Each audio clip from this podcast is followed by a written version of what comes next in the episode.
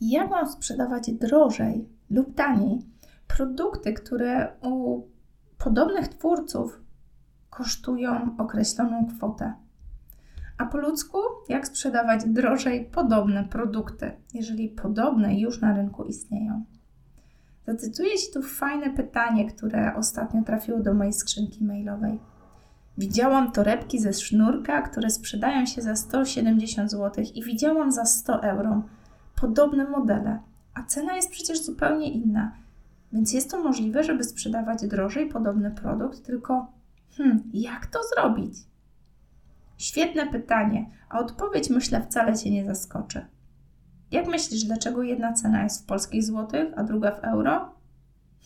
No tak, w tym pytaniu już chyba drzemie odpowiedź. Zgadza się. Te produkty celują zupełnie innego klienta. Kiedy wczytasz się w posty promujące takie produkty, pewnie też od razu zauważysz różnicę. Jaki dla nas wniosek? Inny klient to inne wartości, inna komunikacja. A co za tym idzie? Zupełnie inna cena. I tutaj oczywiście aż mnie nęci, żeby rozpisać się na całego, tak, robię sobie tutaj notatki, żeby ten odcinek też skompilować, ale napakować tutaj jak najwięcej wiedzy.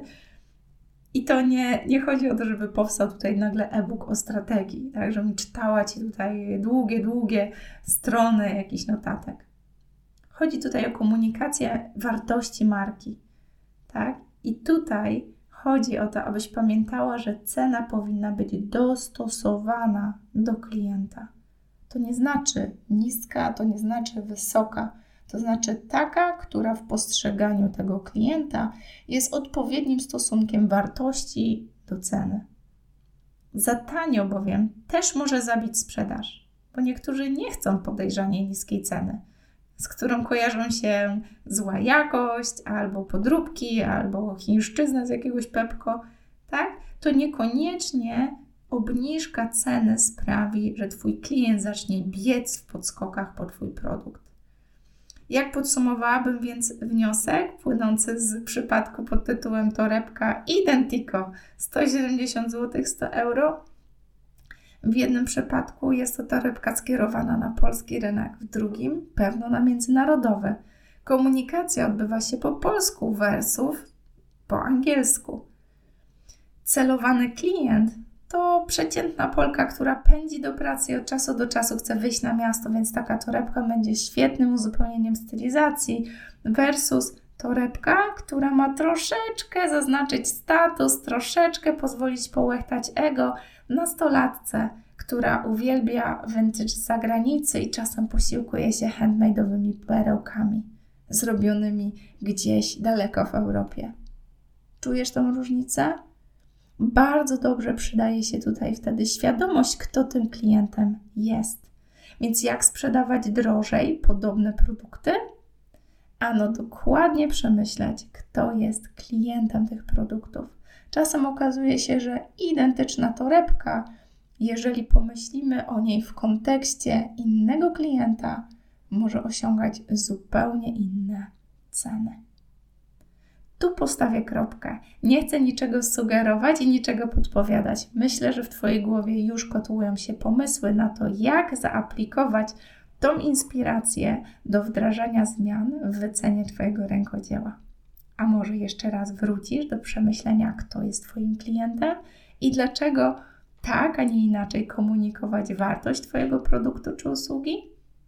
Zobacz, jak wiele aspektów warto wziąć pod uwagę w przypadku wyceny. Warto ją pokochać, ponieważ leży na styku bardzo wielu zagadnień w Twojej działalności w oparciu o rękodzieło.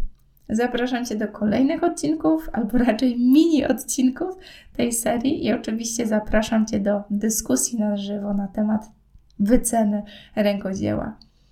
Wszystko, co robimy w tym zakresie, dokładnie tak jak nasz e-book i kurs pogłębiający wiedzę z e-booka, to materiały, które są do Twojej dyspozycji, aby pracować nad Twoją sztuką wyceny rękodzieła.